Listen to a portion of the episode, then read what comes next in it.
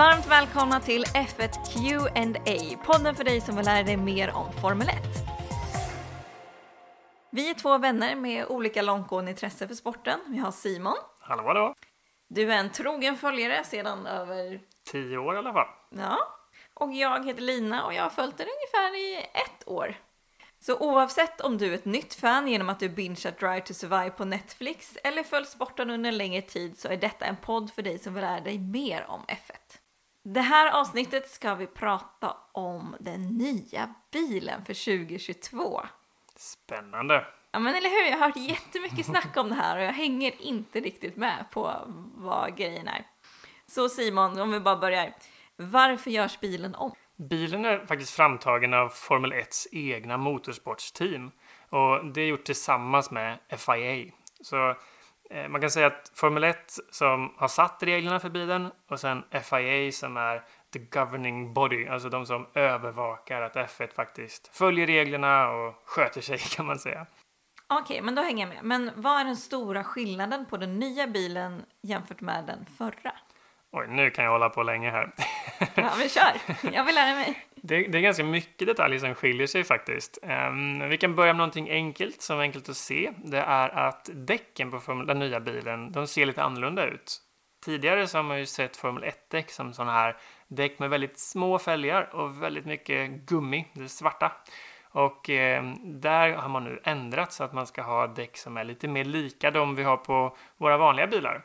Så att man har större fälgar, man bestämt 18 tum, tror det är samma jag har på min bil. och sen då måste man ha lite tunnare lager av gummi runt fälgen, annars skulle däcken bli jättestora. Och när man har tunnare gummi, då blir det lite mindre studs i däcken kan man säga. Så då måste man ha en ny typ av stötdämpning. Så det är helt nytt också för i år. Mm. Så lite sådana saker. Men sen kommer man också se visuellt på själva bilen väldigt mycket skillnader. Det är väldigt mycket mindre det som kallas för arrow, i form av flärpar och vingar och annat som sticker ut för att försöka styra luften så att bilen trycks neråt. Det kallas för downforce. Och istället så har man ett helt nytt regelverk där man tillåter någonting som kallas för ground effect. Så istället för att ha massa flärpar och vingar som trycker bilen neråt så har man istället tunnlar under bilen som försöker skapa ett undertryck under bilen och egentligen enkelt förklarat, man kan säga att bilen sugs ner med de här tunnlarna under bilen istället för att den trycks ner av vingar som sitter ovanför bilen. Så det är en jättestor skillnad, både tekniskt men också visuellt. Den blir lite mer clean så att säga. Mm -hmm. Och den har också lite rundare former. Eh, man kan se på bakvingen till exempel att den går runt ner på sidorna istället för att den är rakt ut och så kantiga stopp. Och mycket av de här förändringarna, eller om man är summan av alla förändringarna, det är det jag sa innan, att man har försökt göra en bil som ska bli roligare racing och tajtare racing.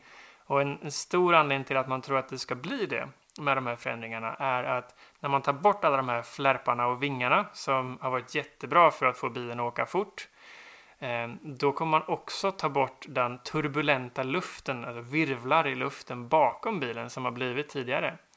Och man hoppas att den här nya designen med tunnlarna under ska få luften bakom att vara mer liksom, stilla eller opåverkad av att bilen precis har kört förbi.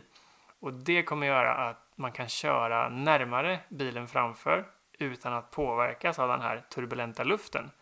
Och det borde göra att vi ser mycket fler omkörningar. Ja, men det låter ju kul. Men finns det, finns det mer? Ja, det finns mycket mer, mycket mer jag skulle kunna säga, men också väldigt mycket jag inte ens kan för det är så mycket detaljer. Men mm. eh, en, en ytterligare faktor i när man gör nya reglementen är att många av teamen, de har ju även personbilar i, i sitt, under sitt varumärke, om vi tar Mercedes till exempel. Och då strävar man mycket efter att man försöker sätta ett regelverk som även förbättrar de bilarna som vi privatpersoner kör. Så att man försöker då till exempel i år att blanda i mer miljöbränsle. Man har ännu mer fokus på den elektriska drivningen av bilarna och försöker helt enkelt att få teamen att forska på sånt som sen kan faktiskt trilla vidare ner till våra vanliga personbilar efter ett tag. Mm. Då har man inte bara F1-vinningen så att säga i att forska på de här bitarna utan man kan även faktiskt få en, en bättre bil för privatpersoner över tid. Okej, okay, det ser man. Men för tidigare bilar så har jag förstått att det är lite skillnad på, alltså regelverken är uppbyggda på lite olika sätt och det, bilarna har ju skilt sig designmässigt åt lite grann. Att de Mm, olika absolut. team har hittat vissa saker som sa, men det här kanske är bättre än något annat. Eh, vad är det man får ändra på och inte enligt de nya reglerna? Du, man får ändra på väldigt mycket, men jag, jag, jag kan inte alla detaljer om exakt vart gränserna går. Men man kan säga i, i korta drag att man får ändra på ganska mycket, men inom väldigt tydliga riktlinjer. Så vi kommer se väldigt många olika designer på hur nosen, om den är smal eller bred och om vi har eh, tre eller fyra stycken eh, vingar på framvingen till exempel. Och teamen kommer prova olika saker och testa olika saker. Eh, men det är väldigt tydliga ramar kring varje liten detalj hur mycket du får ändra så att säga. Men inom de ramarna så får man ju ändra hur mycket man vill. Och det ska bli jag vet att F1 har försökt nu att sätta en, en riktlinje som gör att man inte ska kunna hitta några kryphål. Utan de har ju haft sitt syfte bakom den här nya bilen. Och de vill ju att teamen ska försöka att använda all sin ingenjörskompetens för att det är faktiskt en stor komponent när man tittar på F1. Att det avgörs inte bara på banan, det avgörs kanske lika mycket egentligen på fabrikerna och i laboratorierna där man forskar. Och att det är en stor del. Så självklart ska det fortfarande spela roll. Men man vill samtidigt inte att folk ska kunna göra hur fritt som helst. Och det får vi inte se förrän faktiskt bilarna kommer ut på banan och vi får se om någon har kommit på någonting som ingen trodde var möjligt. Nej, precis, för det ska ju sägas, när vi spelar in det här så är ju inte alla bilar släppta. Nej, bara en faktiskt. Bara en och det är Haas. Och den måste jag ändå få säga en sak om när Mm. vi ändå pratar om design. Alltså jag tycker att när man ser bilen uppifrån att det ser ut som en så här hamster som har hamstrat jättemycket mat i sina kinder. Om man jämför med hur bilen såg ut innan. Ja, Det har inte jag tänkt på. Det har, den, de säger ju att det är en liten Coke bottle shape, alltså att den är lite flaskform. Men hamster, det har jag inte hört förut. Ja, men jag, jag, ska, jag ska göra upp en liten bild som vi kan lägga ut på vår Instagram F1QNA så får du som lyssnar själv avgöra om du håller med mig att det ser ut som en Gör det, den vill jag se. hamstrande hamster eller inte. Okej. Men om vi då ska gå tillbaka till de mer seriösa frågorna. Eh, hur kommer den nya bilen påverka resultatet tror du? Ja, det är ju jättesvårt att säga, men jag har ju mina gissningar baserat på både syftena och, och vad som har hänt. Vi, eh, som tidigare så har man ju försökt göra en bil som ska göra att det blir jämnare mellan teamen, så att det ska bli roligare racing. Så det tror jag vi kommer att få se. Men jag tror det kan bli ännu lite mer så faktiskt, för bilen som nu lanseras 2022 var ju egentligen tänkt att släppas 2021. Men på grund av hela den här hemska pandemin som har härjat så fick man skjuta upp det. Men det har gjort att teamen har fått ett extra år på sig att förbereda sig. Och självklart har det ju varit en säsong då. Och det som har skett då om man tittar vad man i alla fall tror, vi vet ju inte allt som sker bakom kulisserna såklart, men Eh, är att de teamen som har fightats om, om segern under 2021, de har ju såklart haft fullt fokus på det.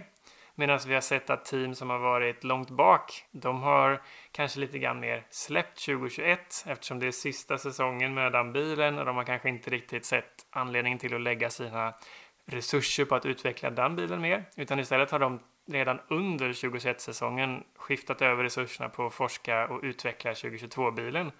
Och det gör ju att de teamen som tidigare var lite längre bak har kanske lagt ännu mer tid på det här. Vilket också bidrar till den här jämnare, eh, jämnare säsongen jag tror vi ser framför oss. Haas kom ju sist. De kom sist, ja. 2021. Och de brydde sig inte om den säsongen, antar jag. Nej, de var ett av de här teamen som väldigt tydligt, även officiellt, sa att 2021 blir en, ja, men lite grann som en, eh, en transportsträcka för oss medan vi lägger allt krut på 2022. Och det tillkommer ju också ytterligare regler som späder på den här tesen, vilket är att eh, vissa typer av saker som man behöver för att utveckla sin bil kommer att sättas tak på hur mycket man får göra. Till exempel hur mycket man får använda en vindtunnel för att testa hur alla aerodynamiska detaljer fungerar. Så de teamen som kom högt upp i listan, eh, Mercedes vann eh, konstruktörsmästerskapet förra året, så de får minst tid i vindtunneln. Medan Haas som kom sist, de får mest tid i vindtunneln. Så det gör också att vi förhoppningsvis ser att de teamen som var längre bak har närmat sig toppen. Men med det sagt, om jag får gissa, så är det fortfarande... Det finns en anledning till att Mercedes och Red Bull har varit i toppen. De är väldigt både duktiga på att köra och på att designa och utveckla bilar. Så det är nog ganska sannolikt att de i alla fall fortfarande är i toppen. Men jag tror det kan vara tajtare och vi kommer säkert få se mer lopp där en bil som inte är från Mercedes eller Red Bull faktiskt vinner eller kommer på pallen. Man kan summera med att Haas skulle kunna vinna 2022.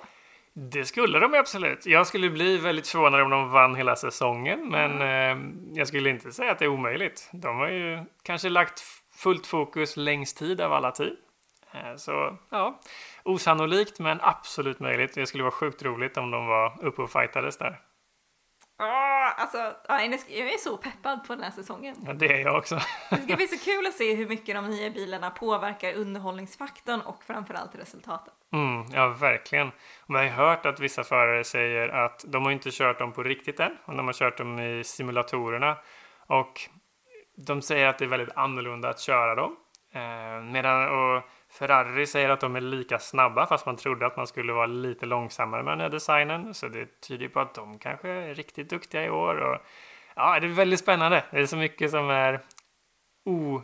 Som säger man, det är, inte, det är inte satt än eftersom vi inte har fått se det i verkligheten. Nej, just Och det kan ju också vara, en, som jag förstått en fördel för eh, förare som har varit med längre.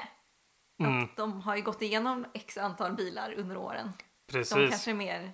Ja, men rutinen är ju jättebra om vi ser det från andra sidan så kanske det också är så att den som har väldigt mycket erfarenhet i en viss bil, om det då skiljer sig väldigt mycket, då kanske det är svårare att tänka om om man Just är gammal. Det.